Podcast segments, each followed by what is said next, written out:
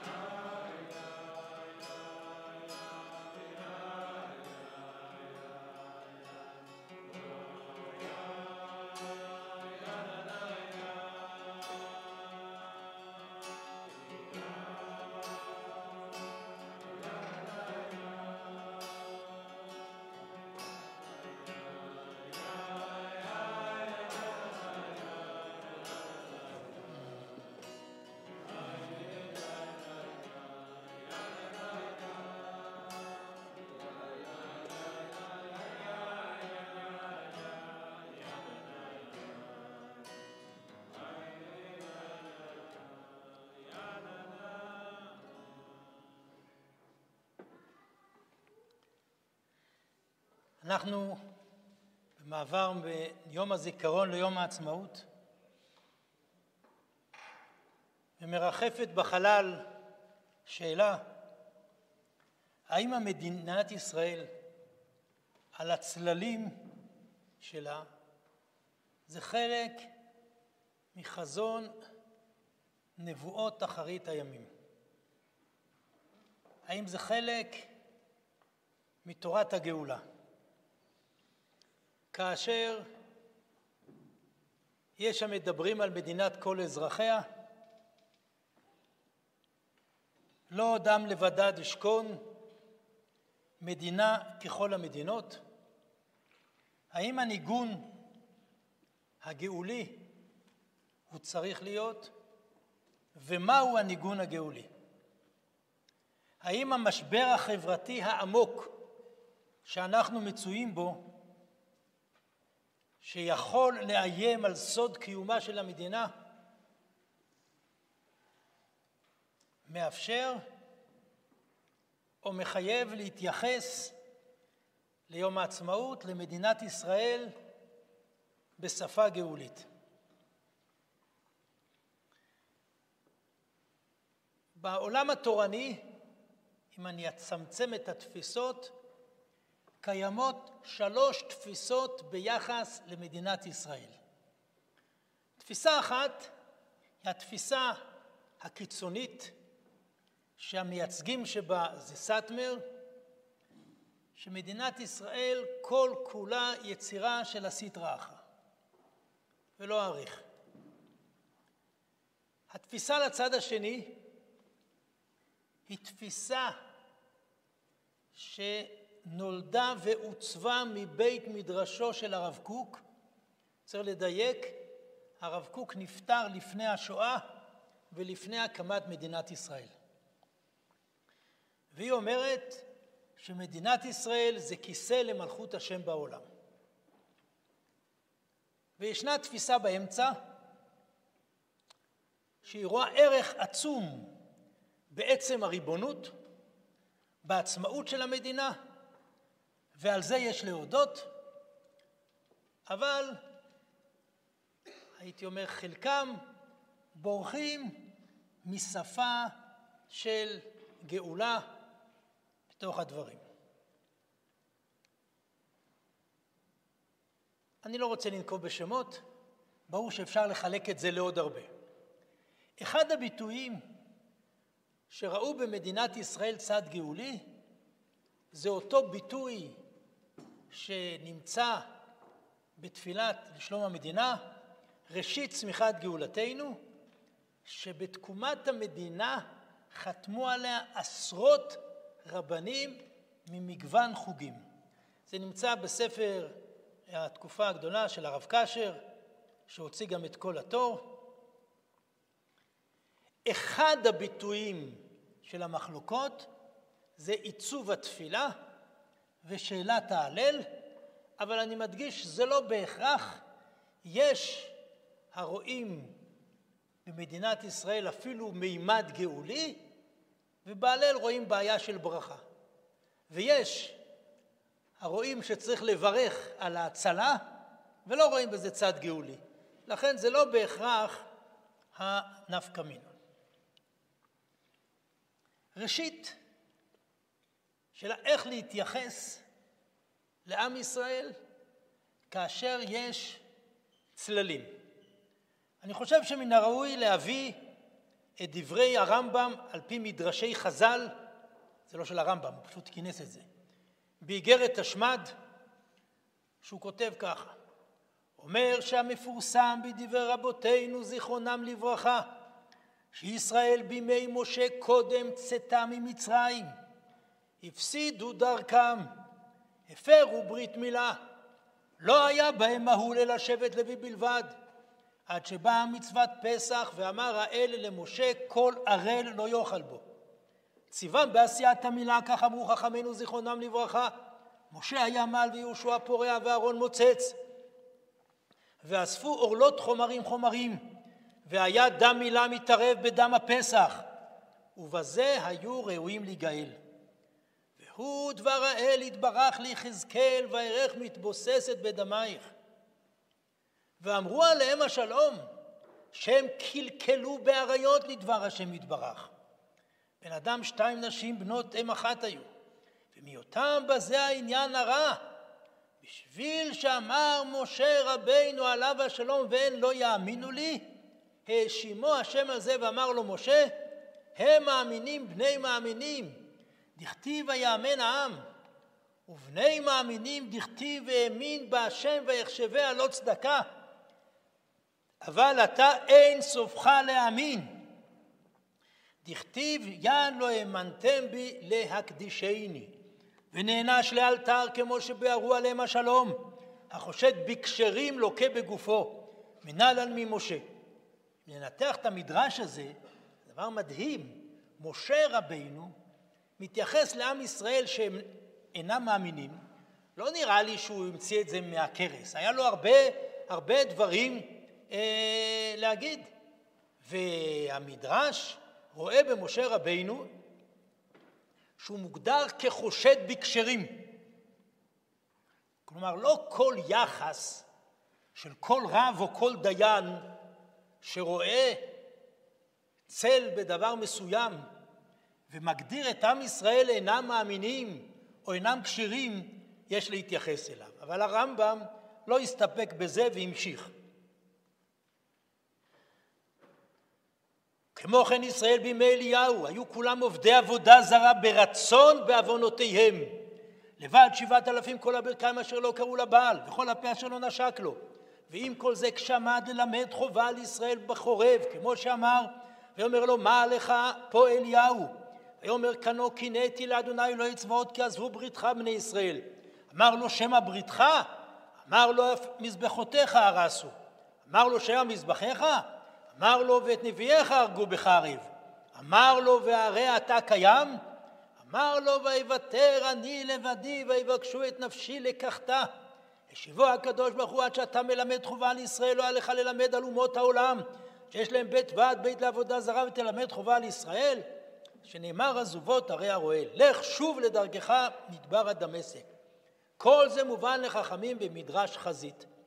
אם ננתח את הדברים המציאות בזמן יציאת מצרים המציאות בזמן אליהו אני חושב שהיא הייתה גרועה הרבה יותר מהצללים. והביקורת החריפה על משה ועל אליהו היא כל כך חריפה, של איך להתייחס. זאת שאלה עמוקה, איך אתה מתייחס. האם אתה מעמיד עולם מנוגד, שכל אחד מתבצר, או שאתה מנהל עולם של קשב, של הנבאה. והרמב"ם לא מסתפק בזה, והוא ממשיך.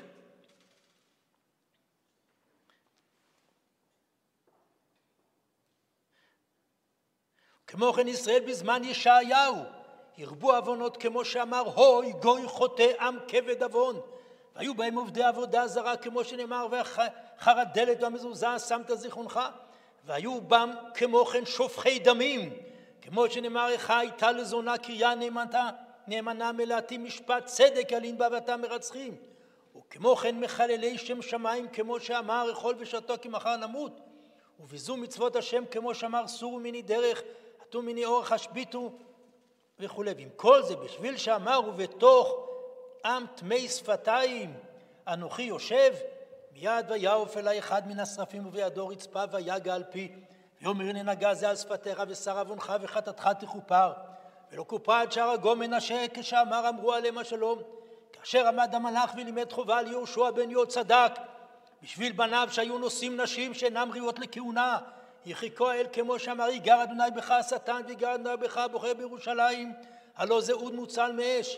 אם כך נענשו עמודי עולם משה אליהו ישעיהו מלאכי השרת כשנסו בעדת ישראל מעט דברים כל שכן קל מקלי עולם וכולי אני עוזב את הרמב"ם. היום בשעה 11 בבוקר בכל בתי העלמין במדינת ישראל אמרו תגדל ויתקדש שמי רבה השאלה את מה מציירים, מה הציור? האם אתה מצייר את רוב האומה, את ההתייחדות עם נשמת כנסת ישראל, או אתה לוקח אירוע ואתה שם אותו בחזית כמו שעושים אנשי התקשורת? האם דברי המדרשים הם לא חריפים מאוד, השאלה איך צריך לצייר. ועכשיו אני רוצה לעבוד ולסדר את הדברים בצורה מסודרת. ראשית, לפני שדנים על צד גאולי, צריך לדעת שאכן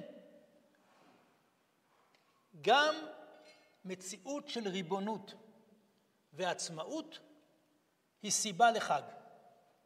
ויש לנו בהיסטוריה של עם ישראל הרבה מה שנקרא פורים קטן, שאמרו הלל, אני לא אמרתי שזה הדבר היחיד ביום העצמאות, אבל קודם כל נלך מהקל אל הכבד. כידוע, בחנוכה, הרמב"ם בהלכות חנוכה בפרק השלישי כותב בבית שני כשמלכו יוון גזרו גזרות על ישראל, ביטלו דתם ולא הניחו אותם לעסוק בתורה ומצוות. פשטו ידם מממונה ובבנותיהם ונכנסו להיכל ופרצו בפרצות וטימאו טהרות. וצר להם לישראל מאוד מפניהם ולחצום לחץ גדול, עד שריחם עליהם אלוהי אבותינו והושע מידם והצילם וגברו בני חשמונאי הכהנים הגדולים והרגום והושעו ישראל מידם. והעמידו מלך מן הכהנים. וחזרה המלכות לישראל יותר על 200 שנה עד חורבן הבית השני. מוריי ורבותיי, מדינת ישראל, ממשלת ישראל, נמצאת במציאות רוחנית ומוסרית עשרת מונים יותר טובה ממלכות הורדוס, שאנחנו יודעים היטב על השפלות הנוראה של הורדוס כפי שמתואר בגמרא בבבא בתרא, דברים ממש מפחידים. בכל זאת, לרמב"ם עיקר חנוכה זה על אותה מלכות שחזרה יותר מ-200 שנה, שאנחנו יודעים שלפחות לפי תפיסת חז"ל, באותו שלב שחזרה המלכות כבר נגזר שבית שני לא יהיה נצחי ולא יהיה הבית העתידי שהנביאים מנבאים עליו. כך רבי יוחנן אומר בגמרא. ובכל זאת ריבונות של 200 שנה הייתה פלטפורמה לכל תורה שבעל פה שמצויה בידינו. לולי בית שני לא היה את כל התורה. עצם הריבונות זה אחד הדברים הנפלאים ביותר שיש. אני חושב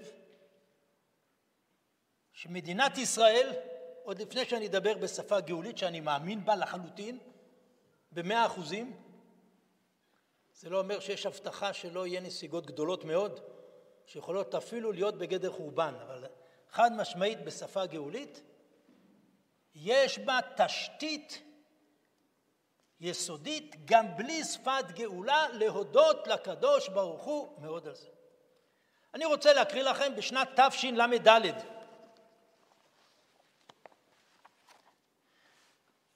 מה כתב הרב עובדיה יוסף כהקדמה לתשובה הארוכה שהוא כתב האם להגיד הלל בברכה או לא להגיד הלל בברכה. הוא כותב כך: בפרדר דבריי בבואי לדון בשאלת ברכת ההלל ביום העצמאות של מדינת ישראל וכן בשאלת ברכת שהחיינו על עצם היום הזה, הוא יום ה' באייר מדי שנה בשנה. ברצוני להדגיש תחילה כי מדינת ישראל ועצמאות שלטון עם ישראל בארצנו הקדושה הינם בעלי חשיבות היסטורית ודתית ממדרגה ראשונה. לאחר כאלפיים שנות גלות, לעמנו הנדכה והנרדף בארצות הנכר, זכינו לשוב לארצנו הקדושה תחת שלטון עצמאי במדינת ישראל. שלטון ישראל הוא שאפשר ומאפשר בעזרת השם יתברך לאחינו הפזורים בכל קצווי תבל לעלות לארצנו הקדושה, לבנות ולהיבנות בה.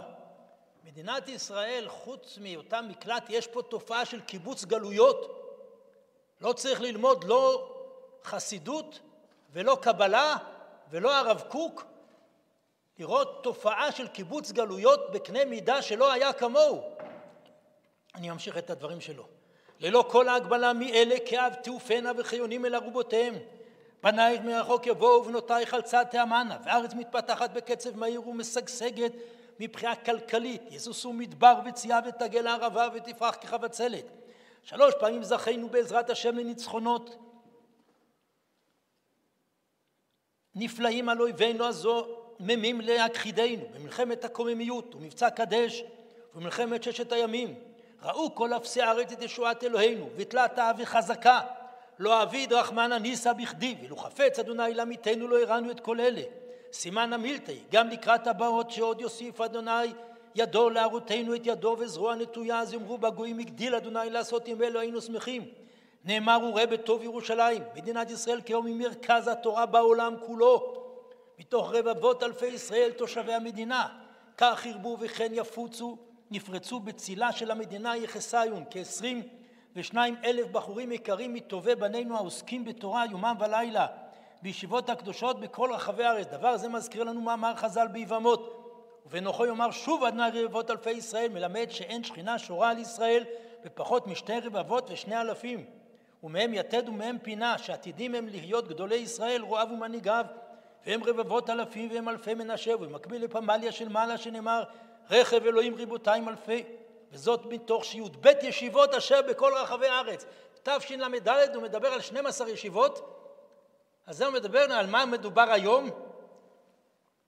וכל זאת מלבד עשרות רבבות משלומי אמוני ישראל שמחנכים את בניהם בחינוך תורני דתי ברמה גבוהה וכולי, ואף אצל דלתם, אני מדלג, אין לכחד כי ישנם לדאבוננו צללים רבים המעיבים על שמחתנו, אולם מעט אור דוחה הרבה מן החושך עד שיפוח היום בביאת המשיח צד... צדקנו ונסו הצללים ועלינו יזרח אדוני וכבודו עלינו ייראה. את זה כותב הרב עובדיה יוסף בתשל"ד, חבל שלא הביאו את כל מה שקראתי בתשובות. קיצצו מזה חצי, אם לא יותר. אם אנחנו נתייחס יותר מזה, מוריי ורבותיי, לא היה בהיסטוריה של עם ישראל מדינה שהחזיקה תורה. היסטורית לא היה דבר כזה. יכולים להתווכח יותר תקציבים, פחות תקציבים. אנחנו יושבים פה ולומדים תורה, מדינת ישראל מתקצבת את כל הישיבות, על כל סוגיהם, על כל גווניהם. האם זה לא נס? האם זה לא כפיות טובה למי שלא מודה ולא מהלל? ניחא אנשים עם תפיסות המעוותות של הסטרא אחרא, שגם לא לוקחים. מי שנהנה ממדינת ישראל, ברור שלא היה לא בבית ראשון ולא בבית שני. ברור שכמות לימוד התורה, ברור שמבחינה דתית מדינת ישראל היום היא הרבה יותר דתית ממדינת ישראל בקום המדינה. בקום המדינה היה הרבה סיסמאות. לכו לכנסת ותראו איך בית הכנסת בכנסת, אמרו לי, פועל באופן שוטף עם כמות מתפללים גדולה. כמה חברי כנסת שומרי תורה ומצוות יש? תעזבו את כל הפלגנות וכל השטויות שעושים. ברור שזה סמיות עיניים לראות את כל הדבר, מיד אני אנתח את המציאות. ואני חושב שצריך להוסיף עוד נקודה מאוד מאוד חשובה. עמד על זה הרב רבינוביץ', ואני חושב שהוא צודק. ברמב"ם ישנו מושג שנקרא מלך המשיח. מדייק הרב רבינוביץ' בצדק, שאפילו ממלכי בית דוד יכול לקום מלך שלו מלך המשיח. כך כתוב ברמב"ם, וברור שיש לזה ערך. עם כל הכבוד לרבי מלובביץ', שאמר מדינת ישראל לא התחלת דגאולה כי זה לא כתוב ברמב"ם, במחילה זה ערבוב בין שני מושגים, בין גאולה ומלך משיח. האם גאולה זה רק כשמלך המשיח מגיע? חז"ל אומרים שבזמן שנחרב הבית נולד המשיח. מהי תורת הגאולה? תורת הגאולה שהעולם מתקדם. תורת הגאולה זה לא משיח נאו. תורת הגאולה זה תהליך. האם מציאות של מדינה עם ריבונות, עם חסרונות, שמהווה פלטפורמה לקיבוץ גלויות שלא היה כמוהו, מהווה פלטפורמה לבניין תורה שלא היה כמוהו. לא הייתה מציאות כזאת. של כל כך הרבה לומדי תורה מכל הגוונים. ברור שצריך להודות לשם. יש ויכוחים שמיד אני אתייחס אליהם. לא אתעכב על הרמב"ם שיש מקום להתעכב עליו. אני רוצה להתייחס לתפיסה של הרב קוק. אני מדגיש שאני מדבר תפיסה של הרב קוק, זה לא הרב קוק כי הוא לא התמודד עם המציאות שלנו. אבל הוא יצר לנו תשתית מדהימה להתמודד עם המציאות שלנו. באורות התחייה ישנה פסקה ידועה מאוד, ואני רוצה על פיה לנתח את ההבדלים בין תקופת תקומת המדינה לפני ההקמה ואחריה, לבין התקופה שלנו. הרב קוק באורות התחייה מדבר על שלושה כוחות מתאבקים כעת במחננו. המלחמה ביניהם ניכרת היא ביותר בארץ ישראל, אבל פעולתם היא פעולה נמשכת מחיי האומה בכלל. שורשיהם קבועים הם בתוך ההכרה החודרת במרחבי רוח האדם. אומללים נהיה אם את שלושת הכוחות הללו שהם מוכרחים להאחד אצלנו, לסייע כל אחד את חברו ולשכללו, שיבצר כל אחד מהם את הקיצוניות שחברו יוכל להביא בצורה מקולקלת כשלא יסויג דרכו. נניח בפיזורם, במרידתם זה על זה ובחלקם אחד למחנה מיוחד, העומדת כצר למחנה השנייה. הקודש, האומה, האנושיות. אלה הם שלושת התביעות העיקריות שהחיים כולם שלנו ושל כל האדם באיזו צורה שהיא מורכבים מהם. איך שהם מניותיה של ההרכבה הזאת. אם חלק אחד מאלה תופס מקום פחות או יותר עיקרי, אצל איזה יחיד או אצל איזה ציבור. אבל לא נמצא ולא נוכל למצוא שום צורה קבועה של חיים אנושיים שלא תהיה מורכבת משלושתם. ההתמזגות הדרושה של שלושת התביעות הגדולות הללו מוכרחת היא לבוא בכל קבוצה שיש לה תקווה של חיים עתידיים. כשאנו סוקרים בחיינו ורואים אנו שהכוחות הללו למרות תעודת התמזגותם הולכים בהם ונפרדים, איננו נקראים לבוא להצלה. יסודותו של הפירוט הוא בצדדים השליליים שכל כוח רואה בחברו. והצדדים השליליים מצד עצמם באמת אינם ראויים לשמם זה, כי בכל כוח בודד, בייחוד נפשי, מוכרחים להיות צדדים שליליים, בפרט בהתפשטותו היתרה על חשבונם של כוחות אחרים. בזה אין להפליא בין קודש ובין החול. הכל נכנס תחת קו המידה, והכל צריך משקל. אפילו רוח הקודש ששורה לנביאים אינה שורה אלא במשקל. אבל הפירוד במקום שצריכים לאחד מביא לזה שמעט מעט מתרוקן הרוח, ההכרה החיובית במעמד הכוח המיוחד לפחות לאותה אישיות או הקבוצה. הולכת ומתחסרת מפני הצימוק ההולך ומתגבר באותו הכוח המיוחד, הבודד בזרוע נגד טבע הרוח להיות מתאחד. אני אדלג קצת ואני אקרא רק שורה אחת. שלושת הסיעות היותר רשמיות, עכשיו הוא מפרט. בכלל אומר אצלנו, אחת האורתודוקסית, כמו שרגילים לקרותה, הנושאת, את דגל הקודש, טוענת באומץ, בקינה ובמרירות בעד התורה והמצוות, האמונה וכל הקודש בישראל. השנייה היא הלאומית, החדש, הלאומית החדשה, הלוחמת בעד כל דבר שהנטייה הלאומית שואפת אליו, שכוללת בקרבה הרבה מהטבעיות הטהורה של נטיית האומה החפצה לחדש את חייה הלאומיים, אחרי שהיו זמן רב עלומים בקרבם מתגרת ידה של הגלות המרה, והרבה ממה שהיא חפצה להכיר לטובה על אשר קלטה מרושם רוחם של עמים אחרים. והשלישית, אני מדלג קצת,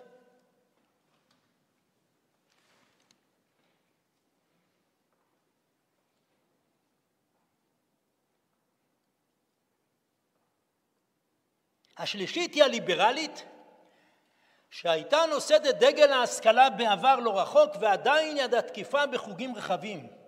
היא אינה מתכנסת בחטיבה הלאומית ודורשת את התוכן האנושי הכללי של ההשכלה, התרבות והמוסר ועוד.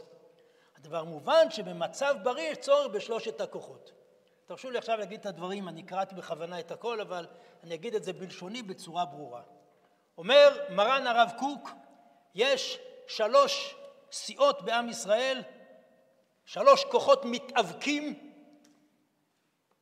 כוח אחד זה הכוח האורתודוקסי, קיום תורה ומצוות, שהוא שקוע בזה, והוא נאבק כי שני הכוחות האחרים מאיימים עליו.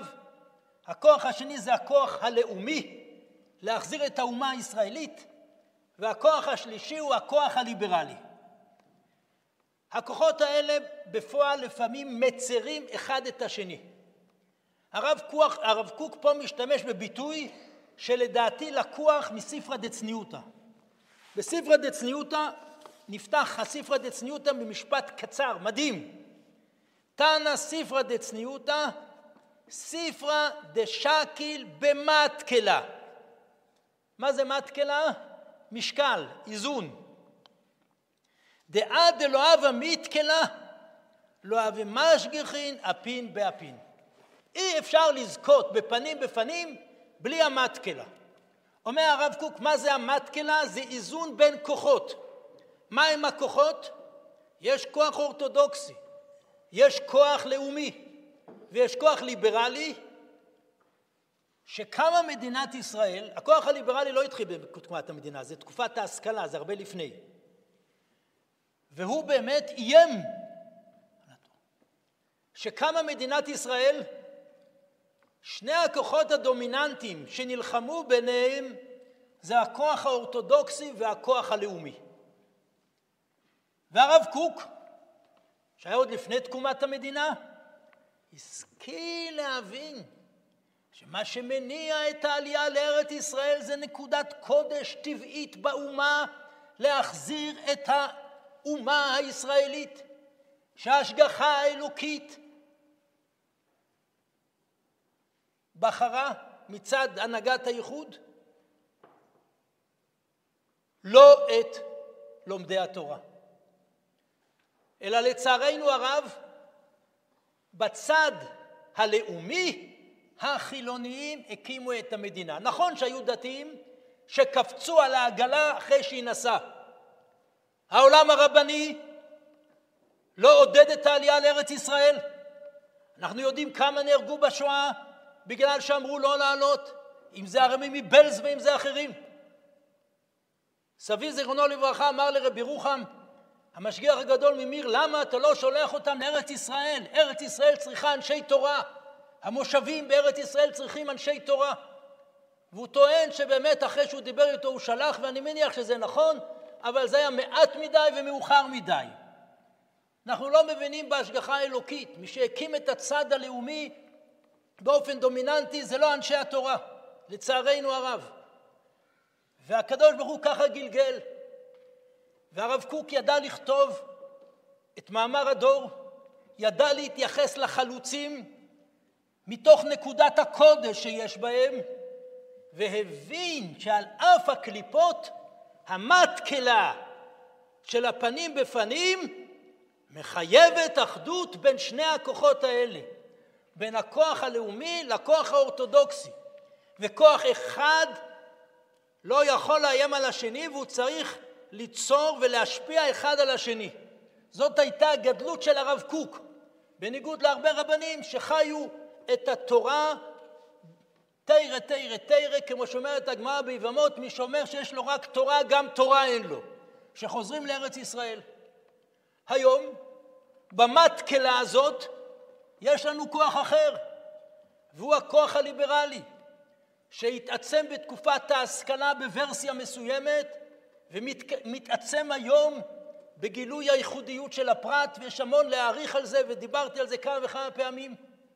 האנשים השטחיים המאוימים זורקים את הצד הלאומי, זורקים את הצד הליברלי ונשארים לבד בבית המדרש בתיבת נוח.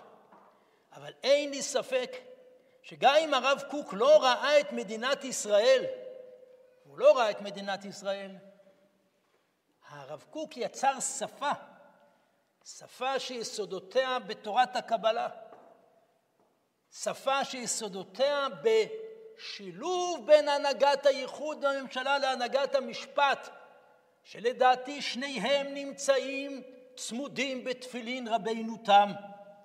מקיש הוויות להדדי, והיה אם שמוע זה הנהגת המשפט. זאת התפיסה הציונית שהכל תלוי באדם, והיה כי יביאך זה הנהגת האיחוד הממשלה, ואצל רבינו תם, ששמו כשמו של יעקב שחותם האמת אצלו, הוא מקיש הוויות להדדי, הוא מחבר שמיים וארץ. תהליך הגאולה הוא תהליך מורכב. דומה דודי לצבי או לעופר האלים, הצבי עולה גבעה ויורד, כך היא גאולתם של ישראל. בבית מדרשו של הגר"א אנחנו יודעים שיהיו ייסורים בגאולה ויהיו נסיגות, כמו שהצבי עולה גבעה ויורד, כך היא גאולתם של ישראל. מבית מדרשו של הגר"א אנחנו יודעים שצריך לדעת מראש שכך יהיה תהליך הגאולה.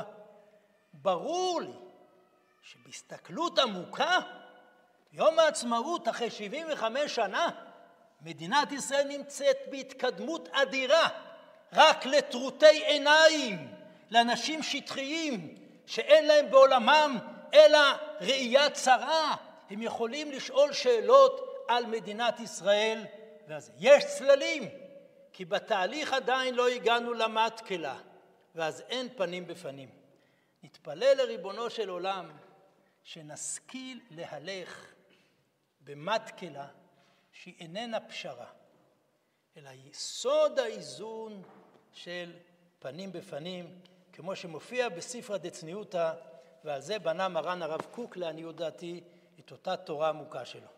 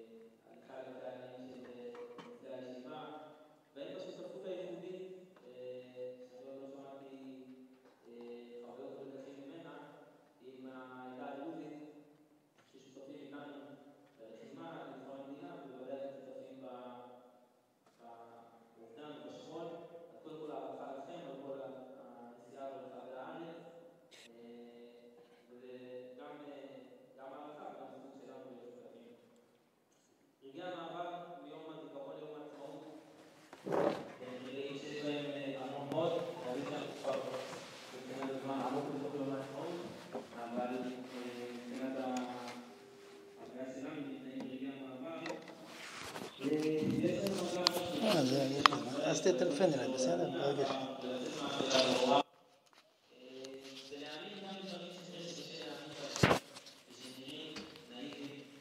קח את הלב שלי.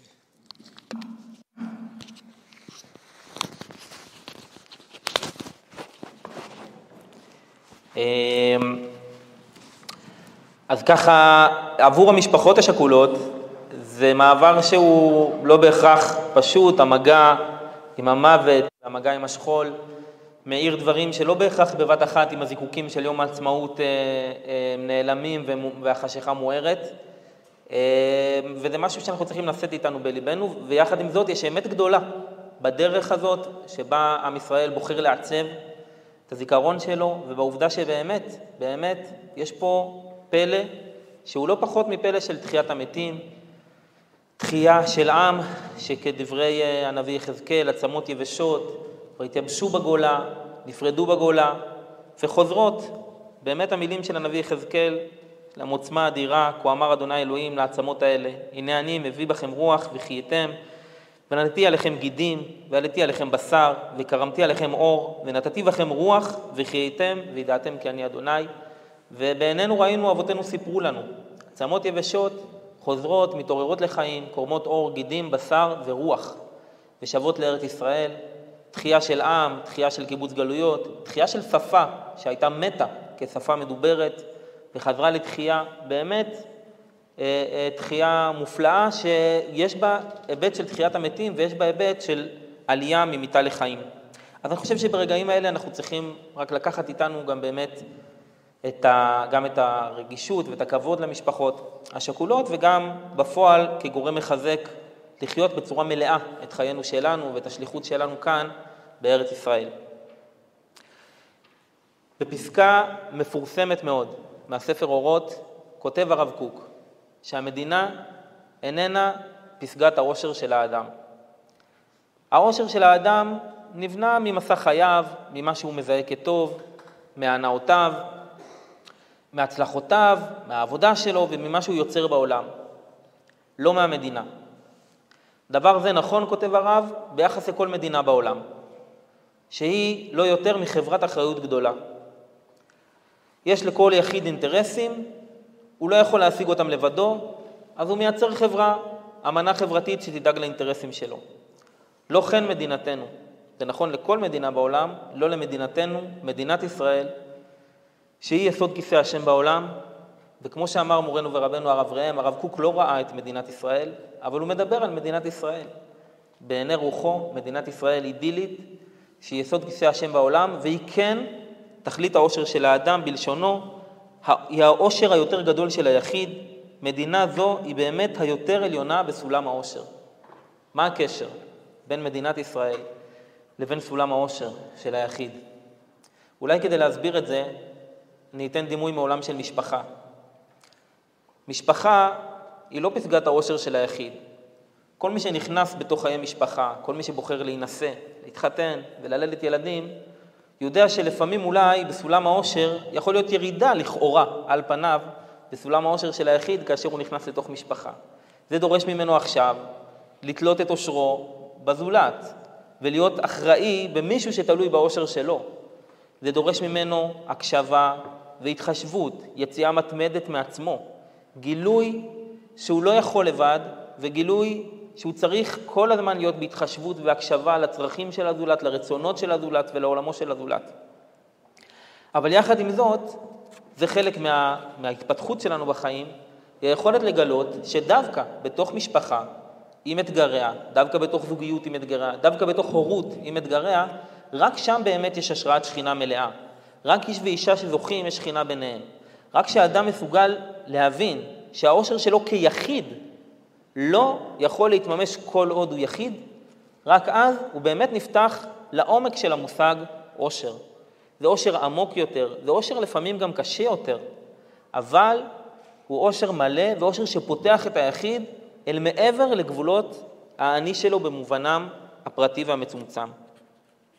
אז לא תמיד זה קל לאנשים, לא תמיד אנשים רוצים כל כך מהר להתחתן וללדת ילדים, כיוון שזה באמת לכאורה מעמיס ופוגע ביכולת של האדם לנווט את האושר שלו באופן חופשי ועצמאי, אבל רק שם מסתתר האושר העמוק, המלא והשלם של האדם.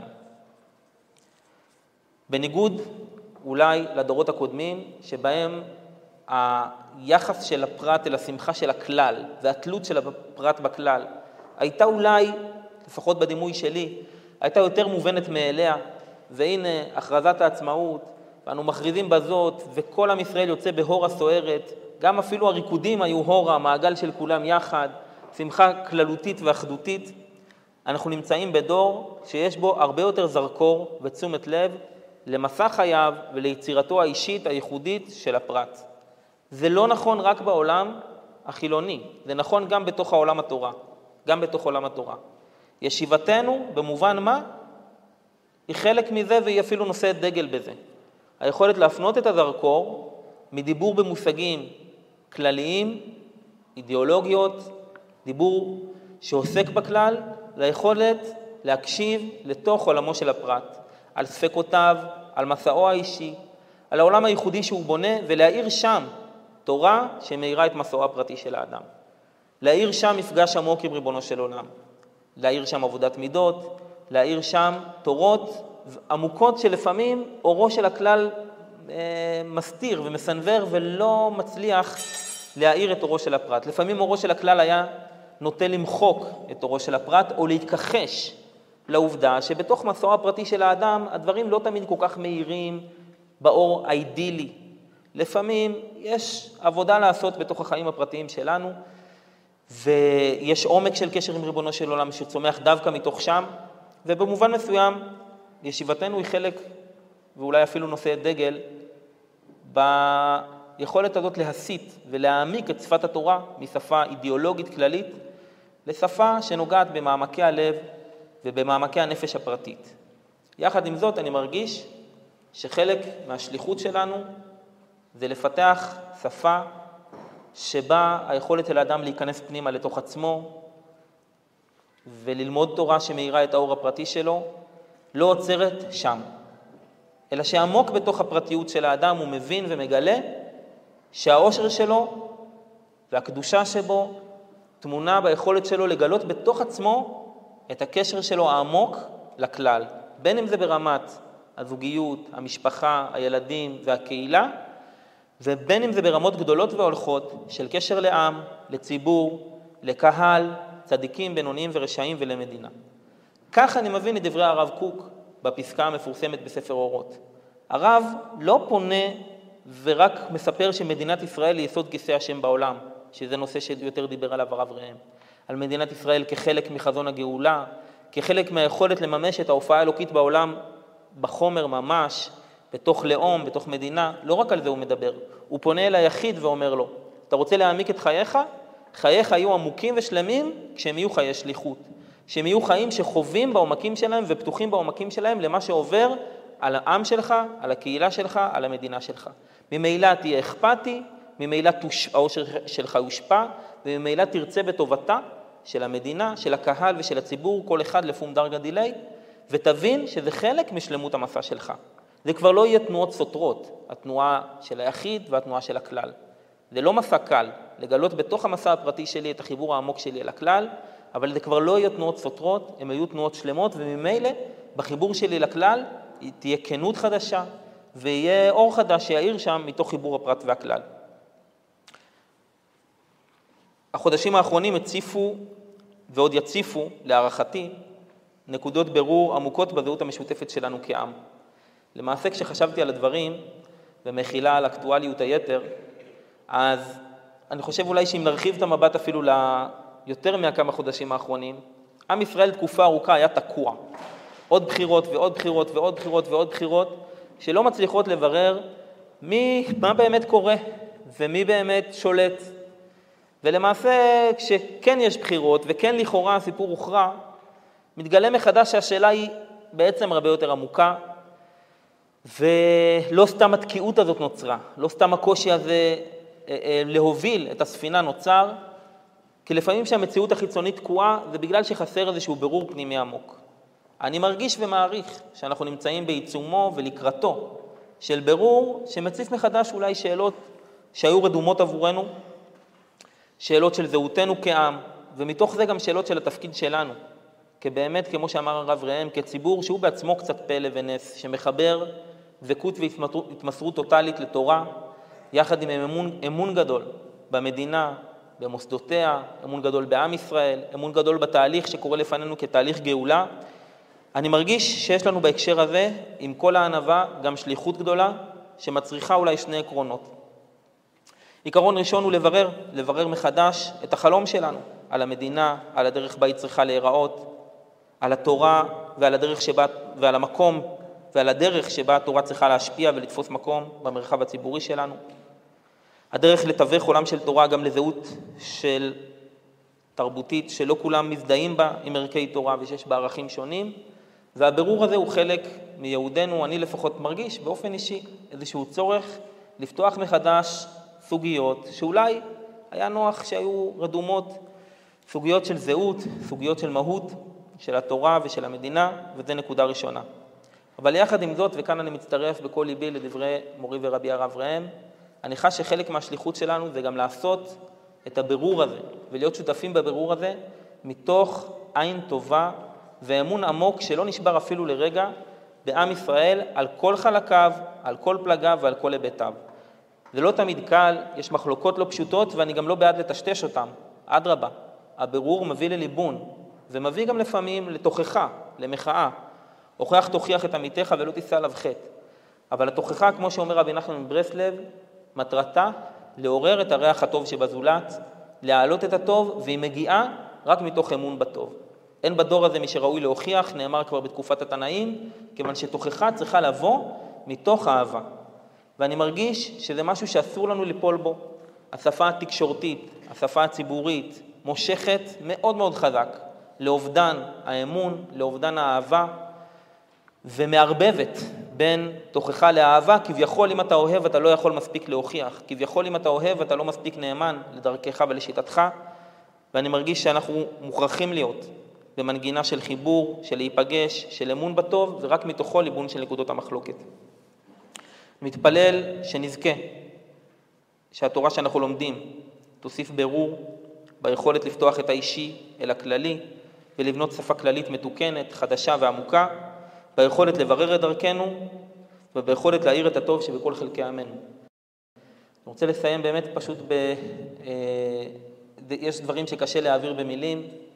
אה, אשתי שאלה אותי האם לדעתי גם הילדים שלנו יתרגשו כשיהיו גדולים באותה מידה מאיך שאנחנו מתרגשים מיום העצמאות, וירגישו באותה מידה את העוצמה שלפחות עבורי יום העצמאות יש בו התרגשות שהיא, לא, זה לא טוב להשוות בין חגים, זה כמו להשוות בין ילדים שאתה אוהב, אבל יש שם איזשהו אה, הוד, הוד, הוד אה, קדוש מאוד וגדול מאוד, ו, ייחודי גם במוחשיות שלו, זה דבר כל כך קרוב, זה קרה לפני 75 שנה, אבל למעשה זה קורה כל הזמן. האם נזכה להעביר את זה לילדינו והאם הם ירגישו את אותה התרגשות? אני בהחלט מאמין שכן ומתפלל שכן, ומקווה שיום העצמאות הזה יעורר בנו מחדש את האהבה ואת תחושת הפלא שבתחיית המתים של מדינת ישראל. נכון. הודו לאדוני